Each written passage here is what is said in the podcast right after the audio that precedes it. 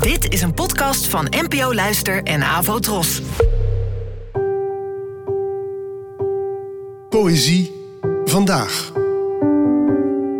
Met Ellen Dekwits.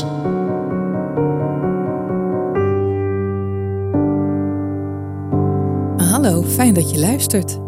Het gedicht van vandaag heet Inscriptie en werd geschreven door de Portugese dichteres Sofia de Mello Breiner Andresen, geboren in 1919 en gestorven in 2004. Het werd vertaald door Richard Sennett en mij. Inscriptie.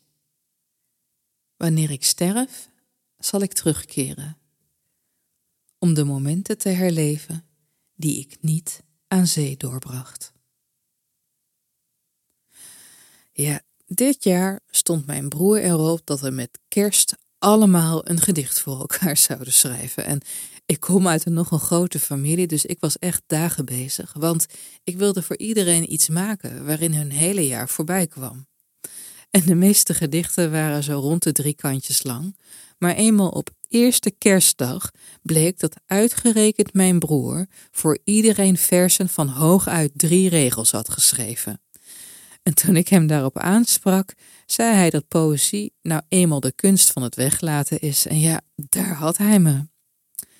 Want juist omdat er bij poëzie net niet tot op de millimeter wordt ingezoomd, wordt er veel aan de verbeelding overgelaten, waardoor je kan gaan fantaseren, je geest een beetje aan de hand van de woorden kan uitwaaien.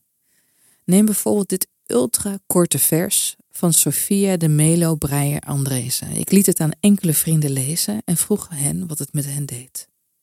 De eerste zag dit gedicht als een soort bekentenis dat iemand bij leven spijt heeft de zee te weinig te hebben bezocht. De ander zei dat hier iemand juist heel veel bij zee is geweest en terug wil gaan naar de zeldzame momenten daar vandaan.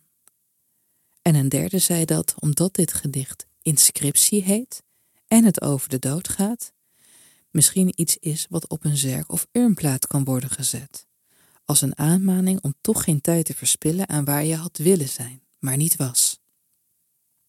Het zijn allemaal logische en verantwoorde duidingen. Maar toen ik hen vroeg wat het gedicht met hen deed, wat voor gedachten het in hen losmaakte, kwamen er andere interpretaties.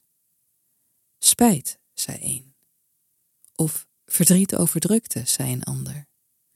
Een derde zei hoop, dat er na de dood een inhaalslag is voor alles wat je misliep. En zo kon een vers van zeventien woorden hele diverse gevoelswerelden mogelijk maken.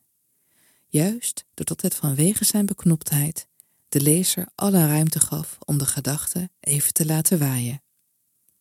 Bedankt voor het luisteren en tot de volgende keer. Abonneer je op deze podcast via de gratis app van NPO Luister.